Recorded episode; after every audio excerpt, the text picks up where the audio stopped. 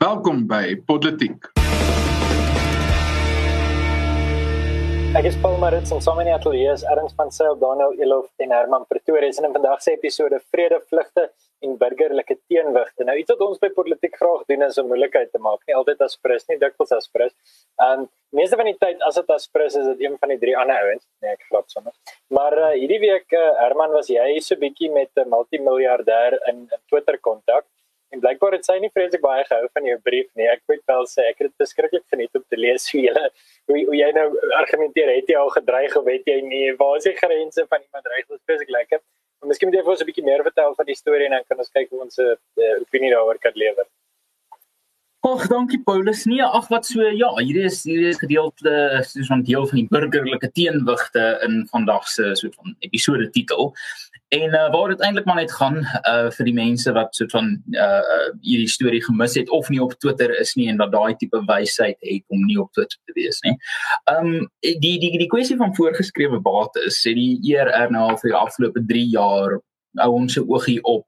En um aan die begin toe ons daaroor begin waarsku het, het mense vir ons gesê nee, dis net bang maak praat jy dit gaan nooit gebeur nie. Wel wonder bo wonder um is is die is dit as beleid nogals uh, duidelik op die tafel gesit laas jaar Augustus in 'n parlementêre vraag antwoord sessie. Uh toe president Ramaphosa gesê het ja natuurlik is is voorgeskrewe bates as beleid op die tafel. So um ja, dit is en en sê dat Dine Travin Gordhan en Tito Mboweni beide gesê dat dit is 'n uh, uh, iets wat na gekyk moet word, iets wat oorweeg moet word. So dis dis ehm um, dis duidelik 'n uh, deel van van die regering se besluitneming. Nou die probleem is dat ehm um, en en en daar's ons drie partye betrokke by die kwessie van voorgeskrewe bates. Kortom ons voorgeskrewe bates basies wanneer uh, die regering vir beleggers kan sê, ehm um, hulle moet 'n sekere element van die bates wat hulle bestuur, moet hulle hier of daar uh, belê. Natuurlik wil die regering omdat hulle nie geld oor het nie, wil hulle hê dat beleggers, mense, jou en my en ons ouers se geld ehm um, wat gespaar is in pensioene en so aan belê in regerings uh projekte waarvoor hulle nie andersins geld het nie want hulle dit is of gesteel of gemors. So uh die die drie partye betrokke by die hele voorgeskrewe bates kwessie is jy die individu uh wie se geld dit is twee jou beleggersbestuurder uh en dan drie die regering en um die regering um gaan moeilik om te oortuig uh om is is moeilik om te oortuig oor op hierdie kwessie. Ons probeer ons bes maar verstaan jy jy daar's drie partye hier om te oortuig. Die algemene mense het ons uh het het is ons heel seker het ons al oortuig of was van nature oortuig dat voorgeskrewe bates die onteiening van spaargelde aardige idee is. Um so wat oorbly in hierdie hele uh, trifecta van uh van voorgeskrewe bates is die uh beleggingsbestuurders en fondsbestuurders en daai tipe mense. So toe het ons by die eer oor die afgelope paar weke het ons 'n bietjie begin met hulle in kontak tree om vir hulle te sê waar staan julle op hierdie kwessie? Is julle bereid om julle kliënte se gelde aan die regering te oorhandig um om te belê in uh, dinge soos Eskom en so. En um En dit was 'n heel bedeeste uh, veld tog. Ek is nie bekend as 'n moeilikheidmaker nie. Ehm um, so ek het Paulus dis nie dis nie nee, dis nie nodig om om so te van moenie wat ons amper het as amper vriendskap beduid nie. Nee, uh so die ehm um, net agtergrond wanneer Paul ons groet dan sê hy vriende Herman so nes net so van as daai emosionele skade is en die antwoord is dit is dit waar dit vandaan kom. Maar toe het ons hierdie briewe begin skryf um, aan aan 15 van die grootste beleggingsbestuurders organisasies en entiteite in Swaan in Suid-Afrika om vir hulle te vra wat is hulle posisie rondom voorgeskrewe bates. En um, twee van hulle het actually teruggekom en gesê hulle is daar teen hulle wil graag met ons daaroor praat so dis baie positief. Kom van hulle het eenvoudig net ons verwys na Assisa uh die uh, een of ander besparings ek kan nie presies onthou waarvoor die afkorting staan nie ek dink dis die association for savings and investments in South Africa of iets is dit. Ehm um, maar die kwessie is hulle het ons hulle het die antwoorde, hulle het die vraag ontwyk en ons verwys na 'n derde party, maar dan 'n derde groep mense het net eenvoudig glad nie gereageer nie. Ehm um, so dit skryf ons 'n tweede brief aan die mense wat nie gereageer het nie onder andere en sê vir hulle hoorie, ehm um, ons wil graag hê julle moet ons uh, antwoord. Uh, dit is stilte op hierdie belangrike kwessie is ongelukkig nou nie regtig aanvaarbaar of volhoubaar nie. Ehm um, maar let net op dat ons gaan hierdie inligting wat ons uit hierdie korrespondensies gebruik in 'n sosiale media veld tog om verlede van die publiek en die uh, vriende van die ERR in te lig oor waar staan verskeie organisasies op die kwessie van voorgeskrewe bates. Die meeste mense het soos van net gesê ons bevestig ontvangs dat julle brief maar nie maar Magda Virgika die uh, hoofuitvoerende beampte van Signia Asset Management nie. So ek sal nou my storie tot einde bring. Sy het eenvoudig gedink ons dreig haar uh, die Business Day se voorblad nou dag gesê sy het ons uh, beskuldig van afpersing. Nou ehm um, dreigemente, extortion, afpersing, uh, hierdie goeters lyk my as jy dit genoeg rond gooi ten spyte van die feit dat die brief nou in die publieke domein is. Ehm um, blykbaar kan mens net hierdie aantuigings maak. So die lank en die kort hiervan, meestal die lank hiervan, is voorgeskrewe bates is 'n enorme kwessie. Uh korporatiewe Suid-Afrika moet van die heining afkom, moet van die draad afkom en 'n bietjie sê waar hulle staan op hierdie kwessie en of hulle ehm um, Suid-Afrikaners se spaargelde gaan beskerm of nie. En as ons daai vrae vra, mense raak ongemaklik, wel, fooi tog. So ek dink Herman jy jy die twee belangrike kwessies in oor hierdie spesifieke nuus storie mooi geïdentifiseer. Die eerste ding is die hele idee van uh, voorgeskrewe bates en die tweede ding oor hoe ou Magda daarop gereageer het. En ek gaan sommer in daai volgorde vinnig uh, by jou aansluit. Die eerste ding is dat ek dink dat die die fundamentele probleem oor die die gesprek van voorgeskrewe bates is daar's op 'n fundamentele vlak waar mens verskil dink ek in en waar die debat gaan. En ek sê nie waarmee ek en jy verskil nie ek dink waar ons byvoorbeeld met die regeringsparty of die EFF verskil. En dit is jy jy het gesê uh, daar's drie partye. Dis en onder andere is een van hulle die mense wie se geld dit is. Nou die probleem is as jy filosofies oortuig is dat die geld wat 'n mens as individu besit nie sy eie is nie. Met ander woorde dat die enigste rede hoekom hy dit gekry het is uit bevoordiging uit ehm um, gemeenskaplike of nasionale gebruik van die land se hulpbronne wat ook al, dan is dit maklik vir jou om te sê wel die staat kan aanspraak daarop maak en kan vir jou sê en voorskryf waar jy moet belê en waar jy nie moet belê nie. Maar die en die verdere probleem is met voorgeskrewe bates is die regering self klaar vir ons tot 'n groot mate waar mens moet belê. Daar daar's baie 'n uh, uh, uh, sterk raamwerk waar 'n uh, die die finansiële instellings van die land sê hoe moet jy geld belê? Die punt die die, punt is net op die oomblik werk dit eintlik redelik effektief en dit werk op 'n manier dat dit 'n uh, bietjie risiko verminder en sorg dat daar langtermyn groei is. Die die probleem met voorgeskrewe bates is dit word verskriklik verpolitiseer. Met ander woorde die die ANC gaan vir jou presies sê waar jy jou geld moet belê en hulle gaan op die ou net daai geld van jou net ingooi in instansies so SARL of wat ook al se nuwe ligledery uit die asse gaan uh, opstyg en ehm um, dan gaan jy jou waarde van jou geld eenvoudig net verminder. So dis dis die eerste ding. En dan oor Magda spesifiek, ek dink ek wil verskriklik op haar pik nie op die ouene het hulle toe uitgekom en gesê wel hulle hulle ondersteun nie voorgeskrewe bates nie. Ek wens net sy het van die begin af gesê dat ek dink dit sou verskriklik baie moeite en tyd gespaar het. Maar die algemene punt dat korporatiewe Suid-Afrika nog al nog altyd vir jare eenvoudige doen wat die regering gedoen het word eintlik nou maar net voorgesit. Dit was dieselfde tyd uh, in die NP se tyd so koöperatiewe Suid-Afrika het maar net eenvoudig gegaan met wat die regering gesê het en dieselfde is nou besig om te gebeur en ek dink is regtig hoog tyd dat haar standpunt ingeneem word en dat hulle bietjie soos in Engels sal sê hulle muscles of flex om te sorg dat Suid-Afrika weer terugkom op pad wat al is nie noodwendig ideaal nie maar ons op herstel op herstelkoers te pas. So die ding vir my, ek ek wil baie dieselfde tipe lyn as jy vat Daniel. Ek wil die vraag vra wie is die agent van ware verandering?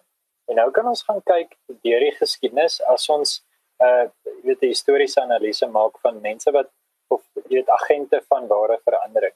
In meeste gevalle gebeur verandering wanneer daar 'n sterk militêre teenwoordigheid, 'n sterk militêre leier is um, en verandering afgeforceer word. 'n uh, uh, Alternatief is wanneer daar 'n uh, massa van die burgery opstaan en dit in 'n sekere rigting druk.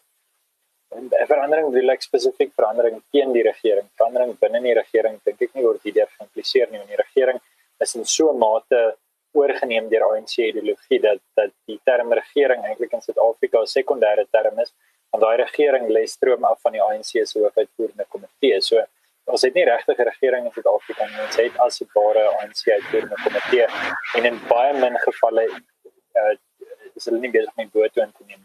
So ehm um, die agent van verandering gaan nie besighede wees. Soveel as wat dit 'n lekker storie is en soveel as wat Herman ek dink jy self en jou organisasie kan vingerwys en sê, "Dê hierdie ouens kyk kyk wat doen hulle." En dis belangrik, dit moet gebeur en dis die rol van die media en van drukgroepe. Maar ek's nie noodwendig baie verbaas daardeur nie, want besighede kan nie bekostig om regtig te vyandig te wees nie. Um Alexis de Tocqueville het in 1840 'n uh, analise gedoen van demokrasie in Amerika. Hy sê mense is baie minder geneig om eerlik te wees met hulle bure in 'n kapitalistiese stelsel, want hulle bure is moontlik hulle kliënte. Die probleem vir um die probleem vir iemand soos Magda is dat die regering dalk net besluit hulle onttrek hulle hulle pensioenfonde wat daar belê is of haar fonds word afgehaal by een van hulle groot beleggers of hulle maak dit onmoontlik vir hom besigheid te doen.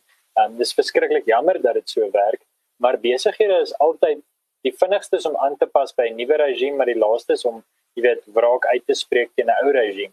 Uh eenvoudig want dis maar net die aard van uh die aard van hulle rol in die samelewing. So soveel as wat ehm um, dit lekker is om te sien dat mense druk toepas en soveel as wat ek dink 'n paar van die sterker uh beleggingsbestuurders, nie sterker finansiëel nie, maar sterker moreel dat hulle uitkom en sê ja, ons kan nie hierdie is 'n dom idee het het ek nie verwag dat dat ons in groot getalle hierdie verandering gaan sien nie.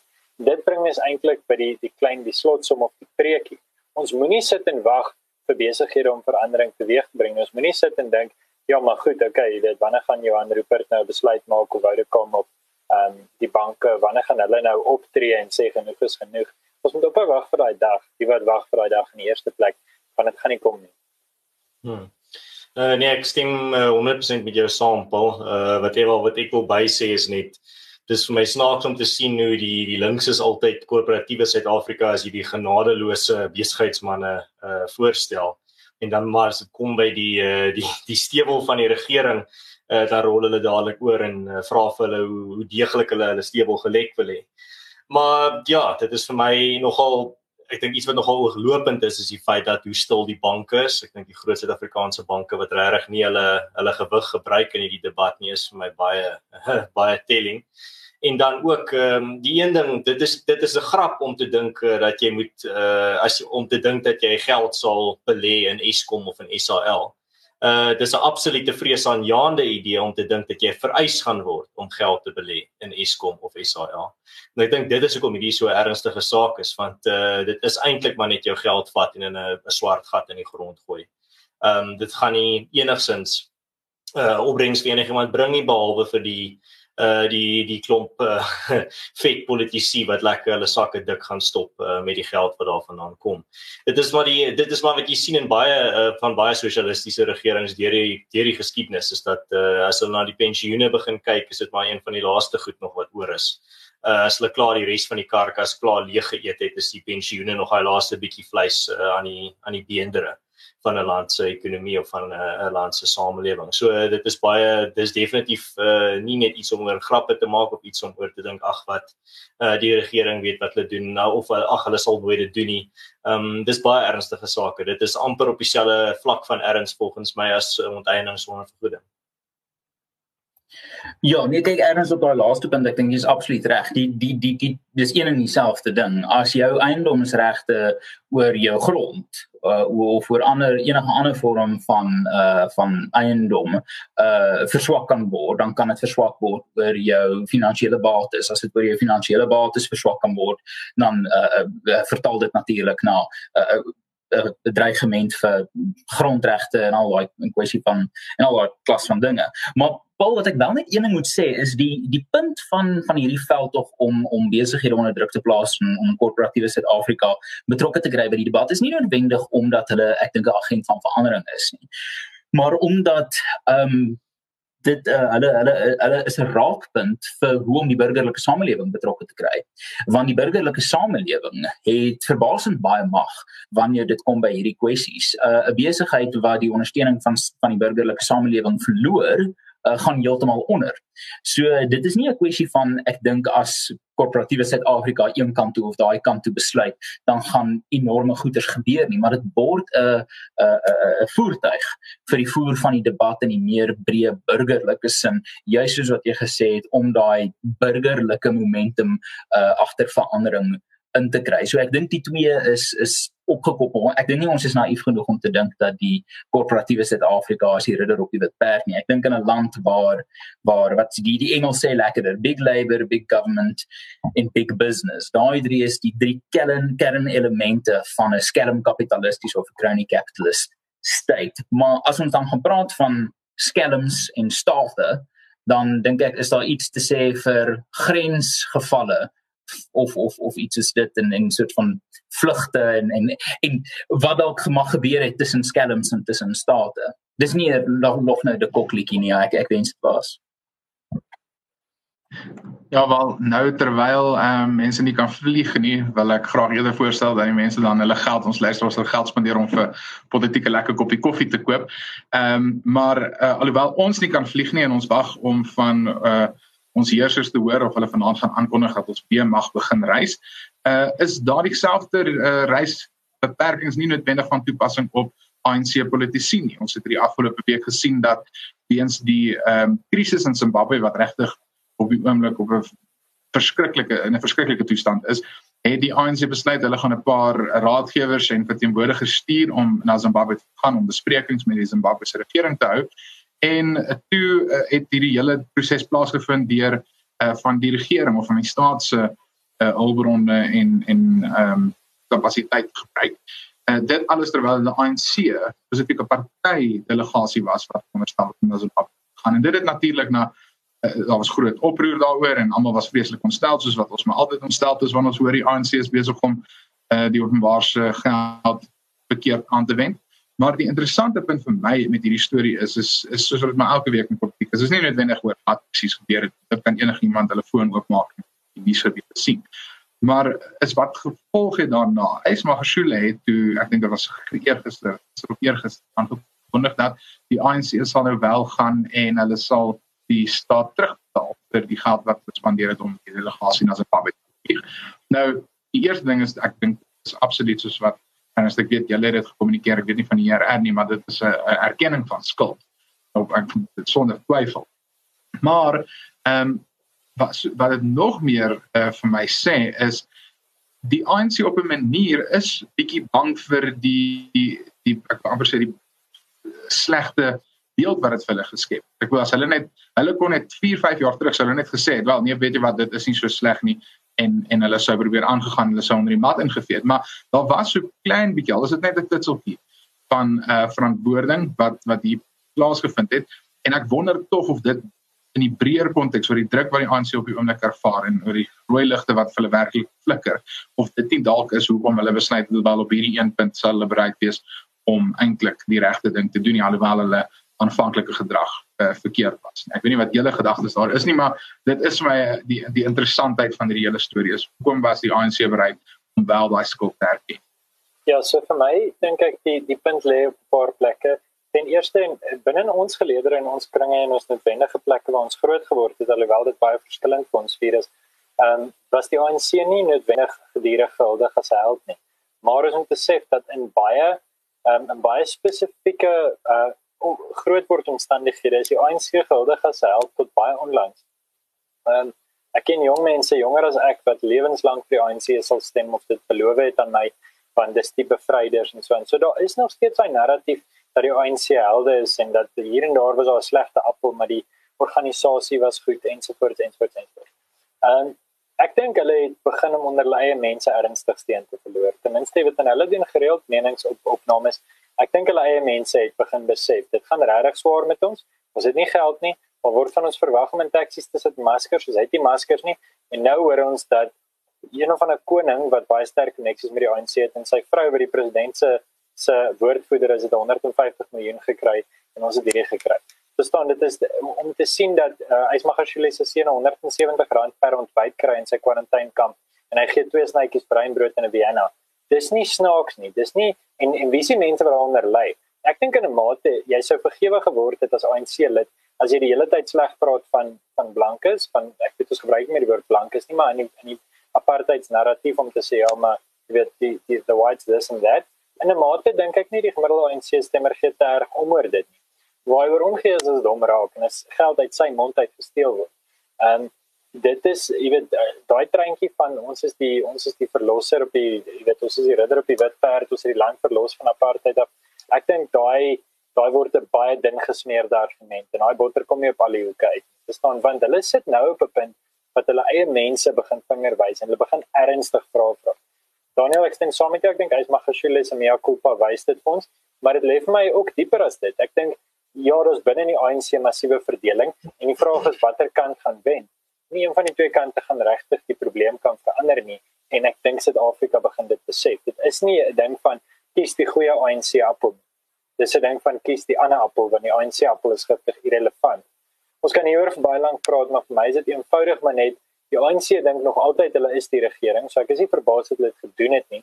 101 was dit regtig 'n onskuldige fout. Hulle het nie as pris pris probeer geld steel nie. Hulle het net gedink ANC bankrekening, regering bankrekening, wat se kaart gebruik ek vandag, jy weet. Ehm um, ja, dis jy weet. Dalk is dit dan nie Dalk is dit hoekom hulle bereid is om om te sê wel hulle sal dit terugbetaal as die die opsets element. Dit was hierdie was nalatige nalatigheid ja. nie noodwendig opsetlike. Maar in geval so ja, ek dink uh, ek dink ek kan ja. lank daaraan gaan maar dit is dis wat ek daaroor te sê. Hmm. Ja, Paul is interessant wat jy daar noem van die twee bankrekeninge wat so saamsmelt, maar ek dink as jy in 'n demokrasie bly of 'n eenparty staat wat al vir 26 jaar net een party in beheer gehad het, dink ek gaan selfs daai die mense van daai eie party wat in beheer is begin sukkel om te sien waar die verskil tussen waar die staat eindig en waar die party begin. Ek dink ons is nou aan 'n plek waar baie stemmers in Suid-Afrika as hulle dink van die regering uh, in aanhalingstekens dink hulle aan die ANC. Nou, hulle kan nie dink dat enigiemand anders die die kar van die regering kan bestuur nie. Uh daai die drywer van die van die uh, Suid-Afrikaanse regeringskar uh, sit nou al so lank in hom sy uh, sy agterend het al begin vassit aan die aan die sitplek en die een van dit word. Ehm um, ek dink dit is net vir my snaaks ook dat as jy kyk na die hoekom ons daartoe gegaan het om nou te gaan help om Zimbabwe se probleme op te los en vir hulle 'n bietjie raad te gee. Ehm um, dit is ook nogal ironies in in die konteks dat uh, dis dis 'n party in die ANC wat nie eers hulle eie land se probleme kan oplos nie, maar hulle wil 'n absoluut stikkende land soos Zimbabwe se probleme gaan help oplos. Ehm um, dit is soos die ou wat eh, 'n uh, rekenaarspeletjie speel en op die heel moeilik die heel hoogste moeilikheidsgraad dit probeer maar hy verloor verloor nog op die maklikste een. So uh, en dit is ook net vir my ek dink iets wat vir my uitstaan en dit is van die uh, kommentaar wat ek gesien het van mense op sosiale media toe hulle nou praat van die ANC wat nou gaan help daarso in Zimbabwe is daar is nog steeds baie aanhangers van Mugabe of van Mugabenomics en van die die Mugabe ideologie uh, onder Suid-Afrikaners. So dis nou nog steeds 'n minderheid, maar dis 'n baie baie harde minderheid wat jy nogal baie van hoor.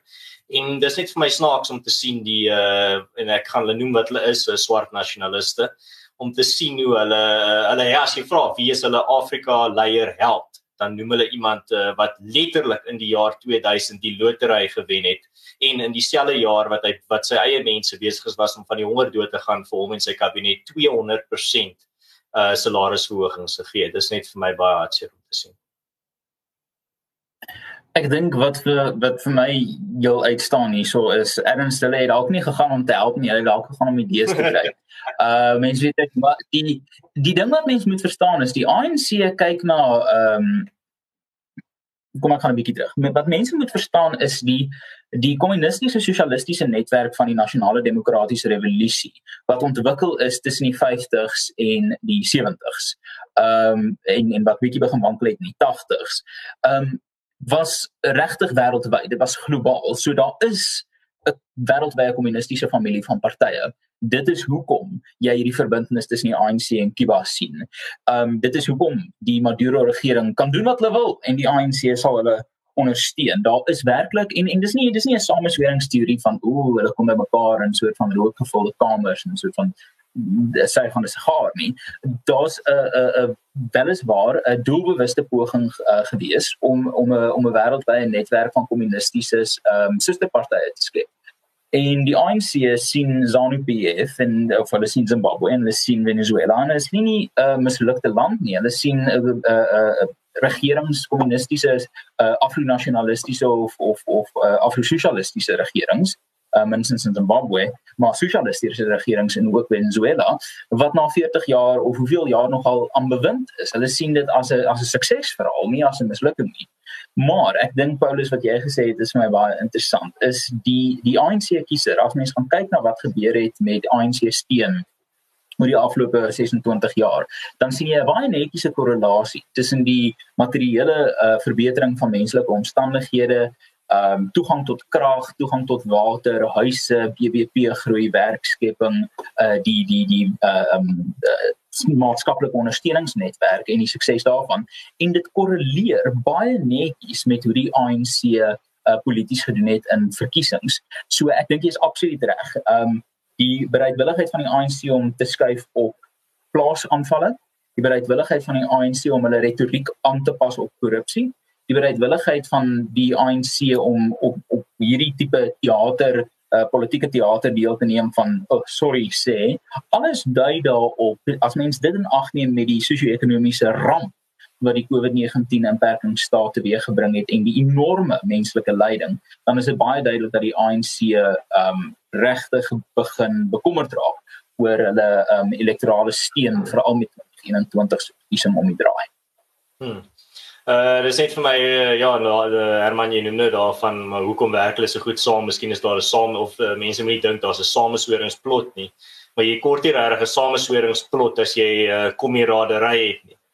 So uh, uh net iets wat ook vir my interessant was van iets wat ook vir my interessant was van uh Daniel se een van sy tweets hierdie wel uh, oor die saak was uh, die gesê het hierdie byeenkoms is maar soos 'n autokrate anoniem ek, ek het nog gedink dis 'n oulike oulike grappie van my. Ehm um, ek ek kan vir sy die gedagte wat nou al van van wat jy gesê het, uh, ek dink Paul jy het dit genoem dat die ANC na 26 jaar kan nie eintlik meer die onderskeid sien tussen hulle rekening en en uh die regering of die staatsrekening laat my dink aan 'n animal farm waar die diere van die buitekant af gekyk het en hulle het gekyk na die vark en hulle het gekyk na die man en gekyk na die vark gekyk na die man en hulle kon nie eintlik meer die die verskil sien nie. Ek dink dis hoe die ANC ook uh na die rekeninge kyk. Hulle hulle kan nie meer eintlik die verskil sien of dit val ver genoeg af in die pad. Um, en dit gebeur met alle ander sosialistiese lande dit ook in Animal Farm natuurlik. Maar goed. Uh kom ons beweeg dan aan na ons laaste storie vir vandag se episode en dit is ook uh sommer ons internasionale storie. En ek dink dis uh ek dink is iets met vier. Dis 'n dis 'n wonderlike ding wat die afgelope week gebeur het en ehm um, ook ja, ek weet nie wie wie sien en Paulus jy bespreek. Ja, en um, so net ja, net miskien 'n vinnige kant net daar voordat ek dit doen. Ons doen nou politiek al vir so 'n bietjie meer as 2 jaar en ek moet sê dis lekker om op 'n hoë vlak oor wêreldpolitiek te kan praat in goeie ordentlike Afrikaans. So dit is lekker om politiek te doen en ook vir jou vir die huis is om politiek hou versprei vir ons is vir ons lekker om te doen. Ek spring dadelik in by die onderwerp. Um en die ding is natuurlik dis Donald Trump se dadelike oomblik wat iets goed gebeur het. Was daar 'n klomp um mense wat negatiewe kommentaar opgelewer het en dan raak dit moeilik om te filtreer watter van daai negatiewe kommentaar is inderdaad waar. Laat ek bietjie konteks gee. Die Abraham verdrag, so genoem natuurlik is dit Abraham met twee seuns gehad, Ismael en Isak en die Jode um sien hulle eie voorsaat as Isak en baie van die Arabiere nie almal nie maar beskou Ismael as hulle voorsaat. Nie almal nie en dis daar's baie vrae rondom dit gehul. Maar die punt is die Abraham verdrag is baie spesifiek. Dis ook naby Rosh Hashanah, die Joodse vakansie daar wat nou begin. So dit is 'n baie groot oorwinning wat gevier word in Tel Aviv. Weet ons dat die ligte in Hebreëus en Arabies en in Latynse letters gesê het vrede op 'n gebou. Dis regtig is 'n groot ding wat gevier word. Bahrein en Kuwait, twee olieryk monargieë um, in die Midde-Ooste, het vredesverdrae geteken met Israel. Hulle het dit gedoen op die suidelike gras van die Withuis en president Donald Trump was die getuie, die amptelike getuie hiervan hy self glo dat dit 'n Nobelprys waardig is en baie mense aan die demokratiese kant dink natuurlik nie so nie. Ek ek dink dit is 'n massiewe oorwinning minder as 50 dae voor 'n verkiesing. Ehm um, want dit is iets wat bitterlik lank al oor gepraat word. Net om vir jou as luisteraar nog konteks te gee, Israel in sy huidige vorm bestaan al 72 jaar. Ehm um, uh, en uh, uiteindelik was dit nog altyd vir hulle moeilik want daar was nog altyd hierdie voorwaarde wat die monargie en die ander uh, olieryk lande in die Midde-Ooste wat hoofsaaklik islamlande is, wat net islamlande is, het hulle gesê Hulle moet toelaat dat Palestina 'n republiek vorm en hulle moet wegtrek uit die Wesbank uit en 'n klomp sulke voorwaardes. En ons weet dat president Bill Clinton in 99 baie naby daaraan was met die Camp David verdrag. Ons weet dat Palestina hulle neus opgetrek het alhoewel die Israeliete eintlik klaar die verdrag geteken het. So dit kom voor asof baie van hierdie Midde-Oosterse lande begin besef maar um, omstandighede is besig om te verander en natuurlik weet ons dat daar nou al vlugte van van uh, Arabië af na Israel toe ook was. Ehm um, dalk sien ons in die toekoms iets daarso. Dis nou vier van hierdie Midde-Oosterse Islamlande wat nou al bande normale bande met Israel opgeneem het. Ehm um, Egipte en Jordanië het dit eintlik al ruk terug gedoen. Die die punt is maar net dat hierdie hierdie Abraham Vredesverdrag is 'n groot moment. Uh of dit regtig iets gaan beteken, weet ek nie. Daar's baie mense wat nou kritiek en kommentaar lewer en sê uiteindelik gaan Donald Trump nou maar net kan vegvliegtye verkoop aan Kuwait en Bahrain, so hy wen finansiëel ensovoorts. En dit is heel moontlik so. Ek is redelik seker daar's iets in dit vir die Amerikaners. Of dit my noodwendig so erg pla, weet ek nie, maar ook hoeveel hierdie verdrag beteken, weet ek nie noodwendig nie. Ek dink nie die lande was noodwendig in 'n dreigende oorlog nie. Daar's nie pertinent stryd oor oliebronne of oor grond in 'n mate wat mense regtig oor oorlog sal maak. Ja, hier en daar is daar Israelitiese dorpie en grond wat 1948 ehm um, nie vir die Israeliete toegestaan is nie en uh en jy weet natuurlik daarmee saam is die Palestynë gereeld besig om bomme te te skiet uit die Wesbank uit. So daar's nie tussen daai twee lande vrede nie, maar ek dink dit gaan binnekort oorspoel na 'n groot oorlog toe nie. So dan moet jy jouself vra hoe belangrik is 'n vredesverdrag? Eerder as miskien net 'n normale verhoudingsverdrag uh, wat Pretoria FM ook vanoggend gesê het ons het dalk eerder moet neem. Maar dis 'n baie breë konteks. Ek het nou so 'n bietjie kommentaar met feite vermeng. Nietemin groot oomblik vir Donald Trump en vir sy verkiesingsveldtog en ehm um, ek dink vir die Obama veldtog uh dalk 'n bietjie moeiliker want ek dink dit Iran se posisie versleg. Iran natuurlik tradisionele groot vyand van die idee van Israel. So dit in in in baie breë trekke uh, hoe ek wil inlei. Ek dink kom ons ge, gesels 'n bietjie daaroor. Uh, Herman, ek dink jy het gesê jy wil uh, jy wil eers inspring daarop. Yes, ek gaan iets vinnig sê en dan moet ek ongelukkig uh julle verlaat uh, tot my groot spyt.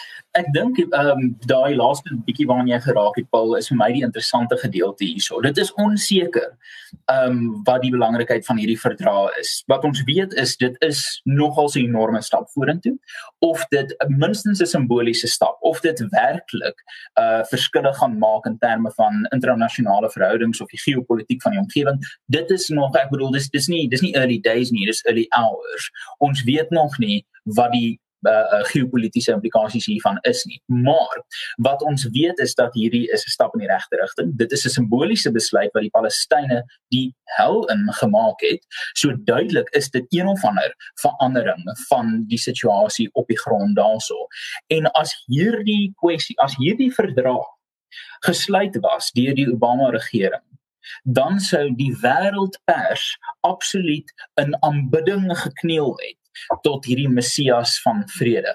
So dit is vir my um, ek weet nie genoeg van hierdie situasie op hierdie stadium uh, om te weet is hierdie 'n daadwerklike verandering nie. Maar as mens gaan kyk na die Palestynë is ontstel te die Jode is gelukkig, die Arabiere is tevrede. Um iets het verander. Iets het verander en ek dink dit is die moeite werd om krediet te gee waar krediet verdien is. En ek is iemand wat natuurlik altyd sê ek sou ek sou waarskynlik my neus hou om vir Donald Trump stem. Ek is nie mal oor hom nie, ek is nie 100% agter sy beleid nie, maar as dit tussen Trump en Biden is, dan sal ek nogal uh, vir Trump stem. Um en mense sosiale media kritiseer my daarvan dat ek aan Trump derangement syndroom ly. Ek doen nie.